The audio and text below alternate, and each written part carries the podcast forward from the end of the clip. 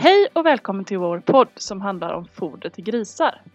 Jag som pratar idag heter Karin och arbetar på företaget Gård och djurhälsan. Och i detta avsnitt ska jag prata med Kerstin Sigfridsson och eh, ställa lite frågor om management och foder beroende på genetik och lite annat. Eh, Kerstin, får få en liten bild av dig. Var eh, jobbar du idag? Jag jobbar på Lantmännen, närmare bestämt på Lantmännens foderavdelning. Spännande. Och vad, vad är dina arbetsuppgifter där? Alltså jag har jobbat ganska länge på Lantmännen men i princip hela tiden med, med foder till, till grisar.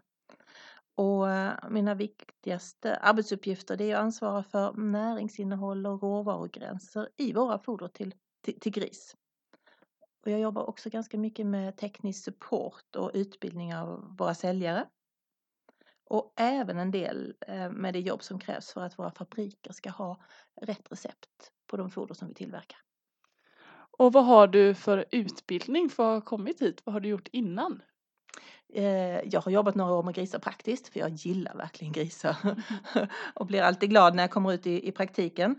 Eh, jag är hushållsagronom i grunden och ja, den finns för knappt nu. Man, man pratar om Master of Science, Master of Science in Animal Production eller något liknande. Och vad, om du får säga det absolut bästa med ditt jobb, vad är det? Det är nog att det är en härlig blandning mellan vetenskap och forskning och praktisk tillämpning. Alltifrån att läsa vetenskapliga artiklar till att, att vara ute i, i besättningar och se om man kan, kan klura ut och göra någon nytta där. Och um, folk blir kanske lite eh, förvånade när de hör att jag har jobbat liksom med samma sak i så många år och på samma företag. Men det har hänt så otroligt mycket både med, med grisproduktionen och, och även såklart med lantmännen under den här tiden. Så att det, ja, det är fortfarande jättekul. Dagens ämne är eh, foder fodermanagement och hur man kan tänka kring detta och kanske lite inriktat beroende på vilken genetik och så. Om vi börjar från början. Vad tycker du innefattas i management när det gäller foder? Ja, det viktigaste tycker jag är att man, att man tänker efter och planerar. Eh, och, och eh, jag tänker hela vägen helt enkelt. Och, och, det, och det omfattar ju så väldigt mycket. Allt ifrån vilket utfodringssystem man har och vilken, eh, vilka, vilken typ av foder man köper och, och, och sen ska man absolut alltid ha fokus på tråget framför trynen på grisen. Vad är det som påverkar vad som verkligen kommer dit? Ibland tittar man alldeles för mycket på eh, vad som står på det receptet som man så får från sin fodersäljare. Men det kan hända så himla mycket på vägen. Både med variation i råvaror och doseringsosäkerhet i anläggningen och, och har man blötfoder så har vi problem med, med näringsförluster och restmängder och så. Så att man måste tänka strategiskt från eh, sina första kontakter med, med sin, sin foderleverantör eller sin leverantör av utrustning hela vägen fram till, till tråget. Sen tycker jag att det viktigaste med management är att man har en väldigt bra produktionsuppföljning. Och här, är, här finns det mycket mer att göra och många fler eh, vad ska man säga, mm, nyckeltal som man kan jobba med just för att få bättre pejling på hur fodret fungerar. I många fall så tycker jag att man fokuserar kanske lite för mycket på vad som står på pappret och sen skickar man analyser på, på fodret och försöker klura ut vad det är som, som om det är någonting som avviker. När, när grisarna egentligen är de som är mycket, mycket bättre på att värdera ett foder än vad eh, alla, alla foderexperter tillsammans är. Om jag ska skoja till det lite. Har du eh, några exempel på vardagliga sysslor som räknas in i management här, eh, till exempel som djurskötare eller så?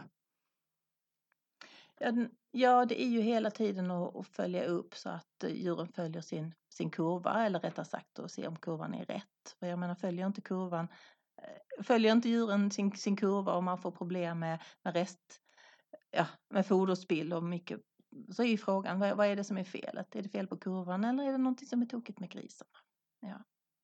Eh, sen så, ja, ett bra exempel på, på, på bra management har jag från en praktisk besättning där, där vi tittade på recepten och så sa, sa, sa de där att ja, till gyltorna den aminosyranivån är ju på pappret egentligen alldeles för hög. Men jag vet att eh, gyltorna är ganska få och i det stallet så ligger det restmängd från, från dräktighetsavdelningen. Så att det de får i verkligheten är lite sämre så därför måste vi plussa på.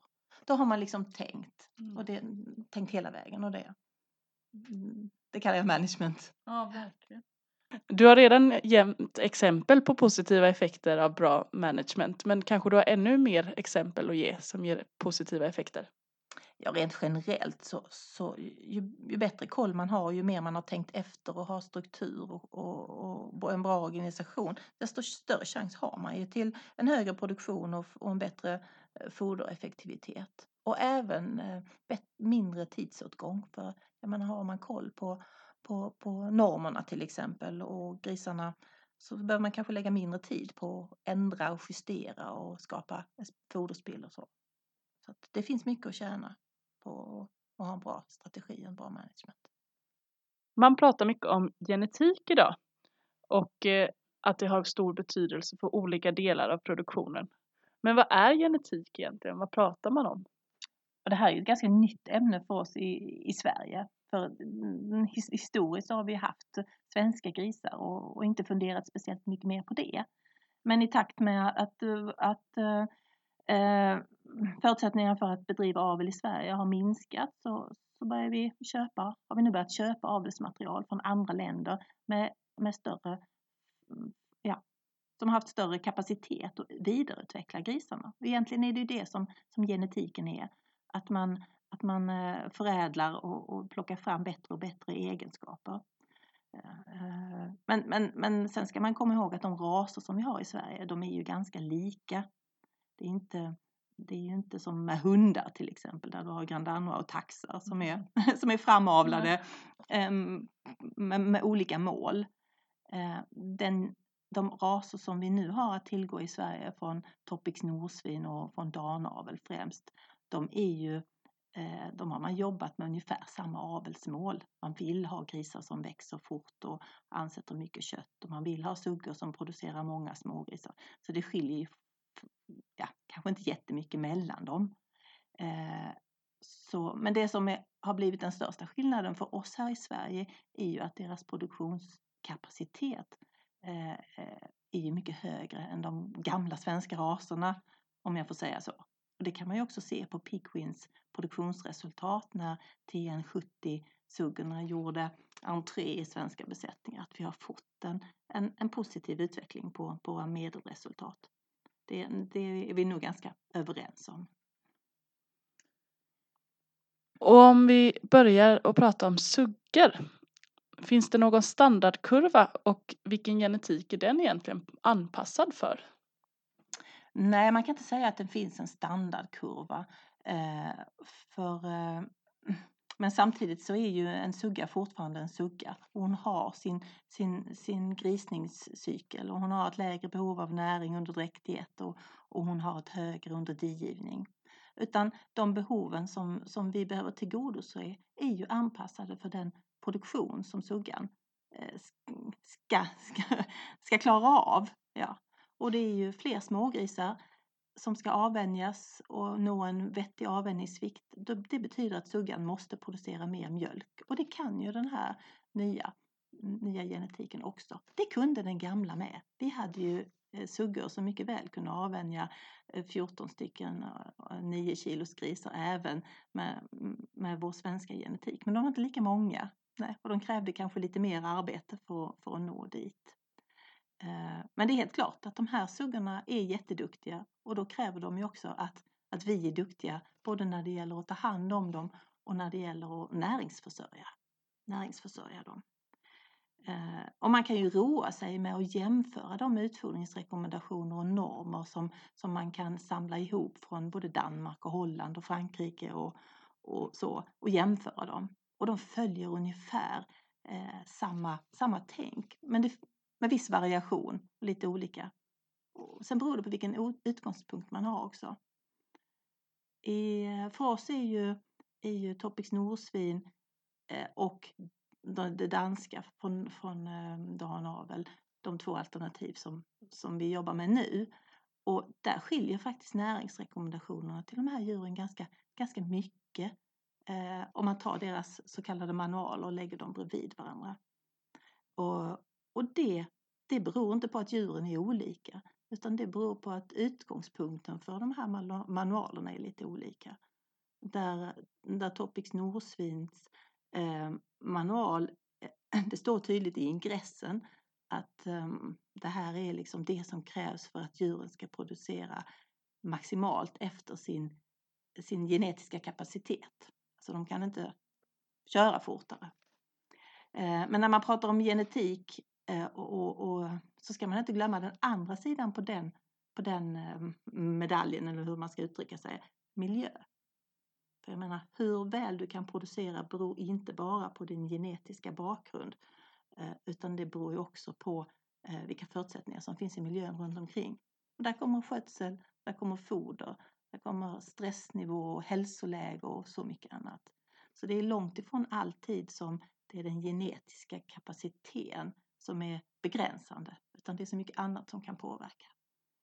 Och, och därför är den, och inte minst ekonomin, därför är de danska rekommendationerna eh, beräknade utifrån, utifrån ett mer ekonomiskt eh, ja, angreppssätt. Så därför ser de inte likadana ut. Eh, Du kan, ja, man kan jämföra med en bil till exempel. Att du kan köpa den dyraste dyraste för att köra till jobbet. Eh, men, men rent ekonomiskt hade det kanske varit bättre med en, en bättre begagnad bil. Du kommer till jobbet bra på, båda, på båda sätt. Eh, så, så att, eh, mm, det har blivit lite inflation i, i, i vissa lägen just på vilka aminosyranivåer man ska ha. Sen är det också så att med miljön så, så varierar den ju. Och hälsoläget till exempel har en jättestor betydelse för, för hur mycket en, en sugga i detta fallet eh, känner för att äta. Är hon pigg och frisk och, och, det är bra foder och bra ventilation och hon mår bra och känner sig eh, i god vigör så har hon en mycket högre aptit.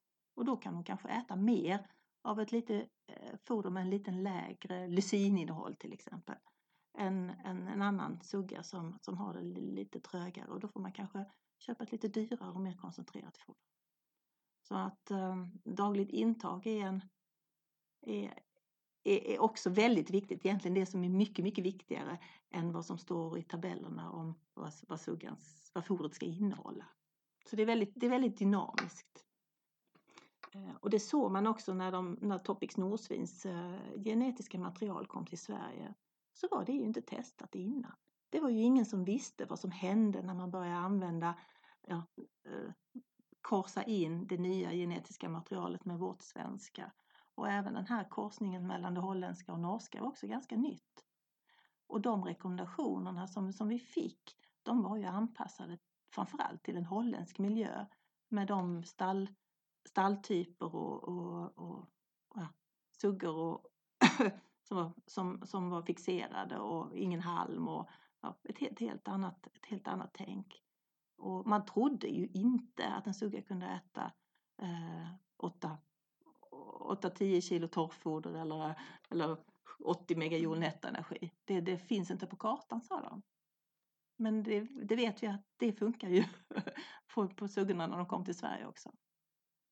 Och det, det, är just därför management är så himla viktigt, att man tänker och, och tittar på sina djur och, och, och hittar ett system som, som passar eh, i, i den egna besättningen.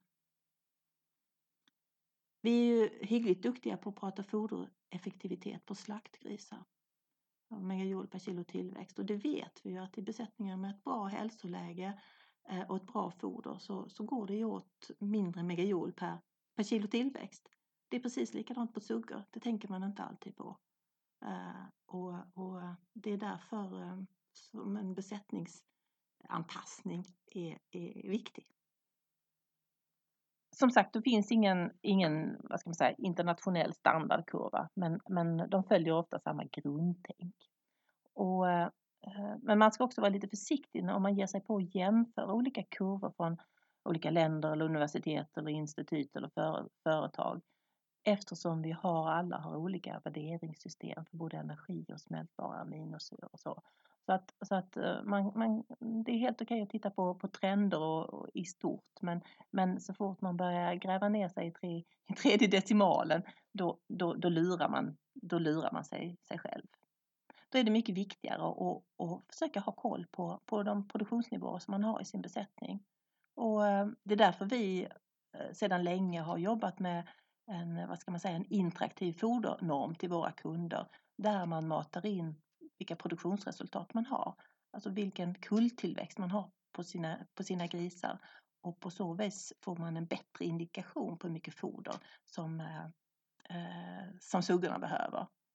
Och då kan man ju räkna framförallt på megajol men även ta hänsyn till, till eh, aminosyrabehovet beroende på hur mycket mjölk som behövs för att avvänja 14 smågrisar som ska väga 9 kilo. Och eh, jag har sett att eh, i dans, danska rekommendationer tänker man likadant. Så man, man, man tittar på vilken kulltillväxt har man och var, hur mycket foder och hur mycket aminosyror behöver suggan för att, för, för klara det, den uppgiften som vi, som vi ställer henne inför. Då kan vi konstatera att det finns egentligen ingen standardkurva. Men är det så att det finns någon genetik som ändå ligger väldigt långt ifrån de andra? Eh, som man måste tänka på för att de ska producera på en vettig nivå? Alltså de, de korsningsdjuren som vi har för, för eh, vanlig grisproduktion, eh, de, de är ju väldigt generellt väldigt duktiga oberoende på om de kommer från, från Danmark eller från Holland eller från Norge. Det, det, som, det är djuren i Sverige som kanske sticker ut i så fall de renrasiga Hampshire-besättningarna. Där ser vi att, att de har inte alls samma behov av de här höglysin um, mm, som, som, som eh, vanliga produktionsdjur har. Och det är ju inte så konstigt för avvänjer man eh, åtta smågrisar istället för, för 14 så har man inte samma, samma behov. Men, men eh, eh, de djuren är ju väldigt viktiga trots det och gör ett bra jobb för att ta fram eh, väldigt bra eh, fader, faderdjur. Vi har ju pratat om olika grejer i fodret här men är det mest megajoule nettoenergi som skiljer åt mellan de olika eh, djuren och olika genetik eller är det övrigt innehåll också? Eh, nej, det, man pratar ju naturligtvis både om megajoule men, men, men också om eh, aminosyranivåer, framförallt lysin. Och det, precis som jag sa innan så skiljer det lite grann beroende på om man räknar ekonomi eller om man, eller om man vill eller om man vill ge riktlinjer för att maximera eh, produktionen under de bästa förutsättningarna rent miljömässigt. Eh, det skiljer också lite grann på aminosyraprofiler, det vill säga inte bara lysin utan när man tittar på de andra eh, aminosyrorna. Och, och danskarna till exempel har ju riktlinjer för, för, för 10 eller 11 beroende, lite på, beroende på hur man räknar aminosyror. Och, och eh, norsvin nordsvin har inte riktigt eh, lika många. Eh, sen har vi det här med mineraler och vitaminer. Mm. Och det finns variation. Och mycket av variationen beror på hur man räknar och på vilka råvaror som man är van vid att hantera. Eh, och jag är tillbaka till de holländska eh, rekommendationerna där där man inte alls har samma tillgång till bra spannmål som vi har i, i Sverige och i Danmark. Och det, det gör ju också att, att rekommendationerna är lite, lite annorlunda. Finns det några stora risker om man inte följer kurvan som är anpassad till just den genetik som jag själv har? Nej, jag tycker du ska följa, du ska hitta en kurva som är anpassad till den produktionsnivå som, som din besättning har potential till. Och naturligtvis är det så att ger man, ger man djuren för lite foder så, så, eh, så får du problem. Får suggorna för lite foder under divningsperioden så, så får man problem med för magra djur och, och så får man dräktighetsproblem på grund av det. Ger man för mycket foder så får du för feta djur och för stora djur eh, som kanske blir klumpiga och har lättare för att få MMA eh, och benproblem. Och så får du problem med det. Och, och, eh, så det, allting slutar ju att man får en, bättre, en sämre produktion och en sämre ekonomi. Så att det är nog ganska viktigt att man tänker till och, och, och hittar en, en nivå på, på utfodringen. Och här varierar det under dräktighetsperioden också. Jag menar om man, om man har ett system som, som eh, där, där sinsugorna kan konkurrera om fodret och det vet vi alla att de gör. Då måste man ligga på en, en högre medelnivå för att för att alla ska få nästan tillräckligt i alla fall. Men en konsekvens blir ju är att vissa djur blir, blir lite för feta och andra blir lite för, för smala. Men eh, det är ju beslut som man måste ta när man, när man eh, planerar sin produktion och, och, och tittar på, på hur man ska hantera, hantera sin besättning. Det finns definitivt skillnader rent utfodringsmässigt mellan den här nya genetiken och den gamla som, som inte bara beror på att de har en högre produktionskapacitet mm, eller produktionspotential. Ett sådant exempel är gyltorna där, där vi har sett att det är mycket svårare att få det här berömda hullet på, på, på sina gyltor som, man, som vi gärna eh, vill ha för att gyltorna ska ha en liten extra energireserv när de kommer in och ska klara av en tuff tuff eh, digivning med många smågrisar och där deras eh, foderintag kanske inte är på topp eftersom de helt enkelt inte är, är, är färdigväxta och inte så stora. Med den gamla genetiken så kunde vi styra det eh, ganska, ganska enkelt med ett, ett foder med lite lägre aminosyranivå eh, som då eh, gynnade, missgynnade eh, muskelansättning och gynnade fettansättning och speciellt om man höjde normen lite grann. Jag menar grisar är ju precis som vi. Eh, alltså äter man eh, pizza så, så lägger man på hullet. Äter man mycket pizza så lägger man på hullet extra mycket. Eh, jämfört med om man äter en GI-diet med en högre proteinhalt. Eh, med den nya genetiken så kunde vi i praktiken konstatera att gyltorna fungerar inte på samma sätt. Fick de gyltorna ett foder med lite lägre aminosyranivå så trivdes de inte. Växte för dåligt, började bita svansar och, och helt enkelt var eh, underförsörjda. Och då var de, gick de omkring och var sugna på någonting som de inte fick. Och det, det, kan, det kunde man se. Eh, vi har också sett i praktiken att i besättningar med alternerande återkorsning där man då ena gången har lantrasfäder eh, och nästa gång har, har eh, Z, alltså mm, den holländska eh, Topic Norsvins Yorkshire-variant så, så vet vi att det är skillnad mellan de där två. Där den norska lantrasen är väldigt duktig på att ansätta muskel och inte speciellt bra på att ansätta fett. Vi vet också att deras aptit eh, inte är på topp. Det ligger liksom i, i, den genetik de har med sig. Medan eh, eh Yorkshire är, är, har bättre aptit och kan, kan bli lite fetare. Och det kan man se på de gyltorna då som har en, en lantraspappa eller som har en, en, en eh, Yorkshire-pappa. Och jag har flera, stött på flera besättningar där man insett att man måste dela på de här djuren. Man kan ta dem i samma box. För då äter eh, de med mer Yorkshire-gener eh, uppfodret för dem med mer lantras. Och så får du ojämna djur och så får, du, får, du, får man problem. Så det finns, det finns helt klart skillnader mellan dem. Slaktgrisar då?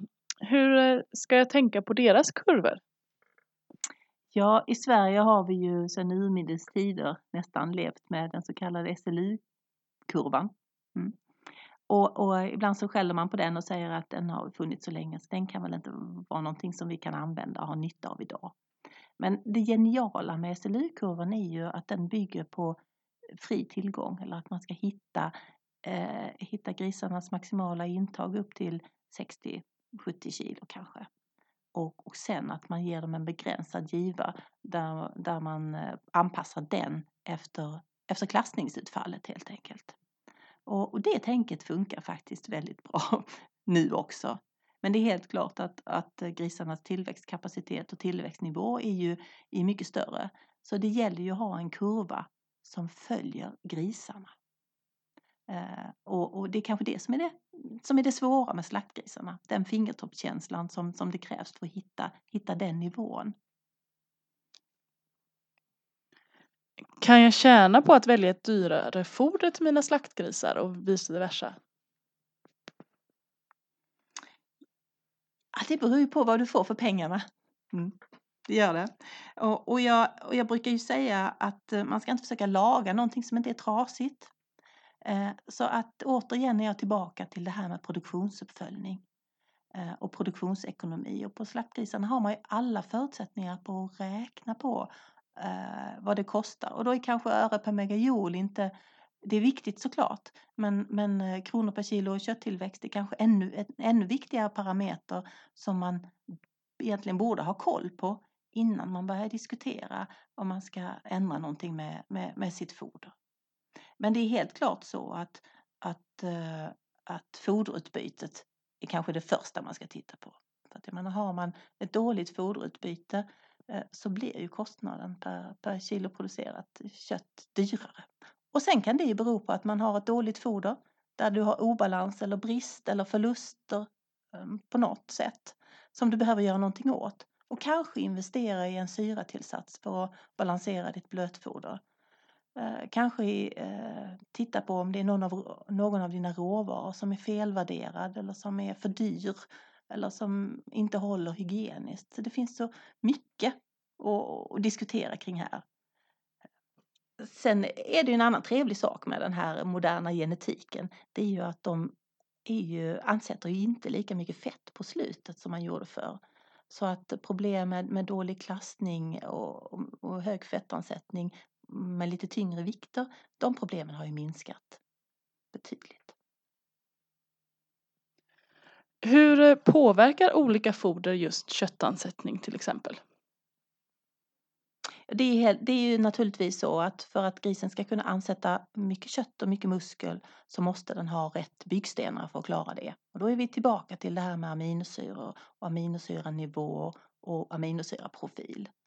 Och vi som jobbar med, med foder, vi är så vana att prata megajol och vi är vana att prata smältbart lysin och kvoten däremellan. Men man ska inte glömma alla de andra aminosyrorna också som behövs. Och eh, eh de, nu, jag menar Lantmännen, vi, vi optimerar på, på, på sex, sex aminosyror eh, i våra foder och det finns ju nästan finns ju fem till av dem som är så kallat essentiella, det vill säga livsnödvändiga aminosyror som, som grisen inte själv kan tillverka. Det blir lätt komplicerat när man diskuterar det här. Jag brukar säga tänk legobitar. För att producera protein och kött och mjölk och så, det är, det är, det är mycket protein, så, så behövs det eh, så finns det 25 olika aminosyror, 25 olika legobitar. Eh, och de kan man naturligtvis pussla ihop på en mängd olika sätt för att få det som vi vill.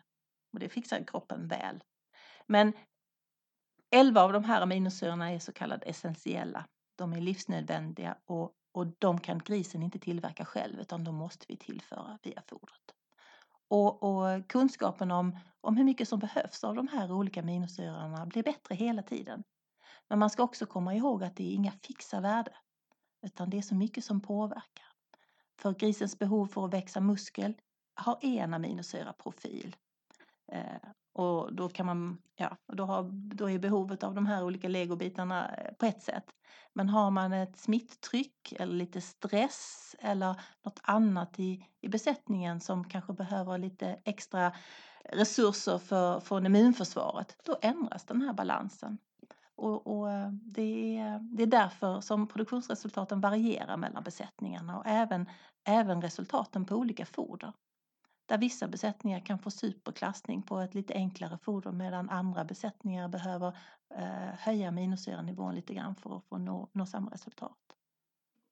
Det är därför det blir så himla svårt att försöka definiera vad som är rätt foder eftersom målet varierar. Och, det är, och därför, därför de generella riktlinjer som finns, de är, de är lite generella och varierar. Ett exempel är, till, är eh, kravet på innehållet av aminosyran treonin. Och tittar man i tabellerna så varierar de lite grann. Ibland säger man att den ska ligga på, på 70 procent av, av lysinnivån och ibland säger man att det ska vara 70 eller 67 och det finns, finns siffror ner till kanske under 60 att det är det mest ekonomiska. Och det beror helt enkelt på, på priset på aminosyrorna och på priset på foder och på, på, på eh, vilket häls, vilken, häls, vilken hälsostatus grisarna har. Så det, det, det finns alltid eh, någonting att klaga på i, ett foderrecept. För det finns alltid en tabell som kan visa på något annat värde. Och det är därför jag är tillbaka i, på det här med produktionsresultaten och produktionsekonomin. Om man då har sin produktionsuppföljning och ser att man har problem med klassning eller foderutbyte eller, eller tillväxt så, så kan man såklart aldrig utesluta eh, att fodret inte är fullgott. Och, och då tycker jag att man ska ta en, en bra diskussion med sin, sin foderleverantör och, och verkligen ha en foderleverantör som man, som man litar på, som man kan diskutera med.